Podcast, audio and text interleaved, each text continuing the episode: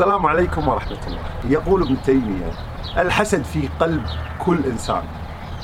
الكافر أو الفاسق يظهره والمؤمن يخفيه لأنه يستحي أن يظهر ما في قلبه. الذي خلقكم من ضعف. علينا أن ننقي أنفسنا. روي في الحديث الصحيح أن رسول الله صلى الله عليه وسلم أتي له بدلو مرتين وغسل قلبه بدلو من ذهب. ولذلك علينا أن نعرف أن في لحظات الخصام لحظات الانزعاج يقفز الشيطان إلى قلوبنا ويحقن هذا الحقد. الرغبة في الانتقام الرغبة في الانزعاج الر- الرغبة في إيذاء الآخرين فيدخل ذلك في قلوبنا.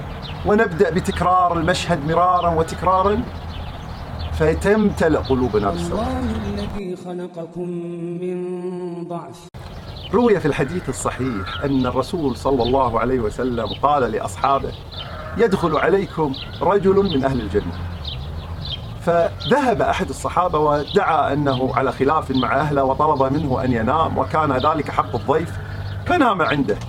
وكان ينتظر منه أن يشاهد قيام الليل والتهجد والبكاء ولم يرى من ذلك كثير. فسأله قال ما قصتك؟ إني سمعت رسول الله صلى الله عليه وسلم يقول عنك أنك من أهل الجنة. قال والله أنا ليس في كثير من العمل ولكني إذا وضعت جنبي أقول اللهم إني عفوت عمن ظلمني فاعف عني. أيها الناس أنتم الفقراء. موسى عليه السلام أكثر الأنبياء ذكرا في القرآن الكريم. لكن أكثر الأنبياء ذكر وأثني عليه هو إبراهيم عليه السلام. يقول الله عز وجل عنه إذ جاء ربه بقلب سليم.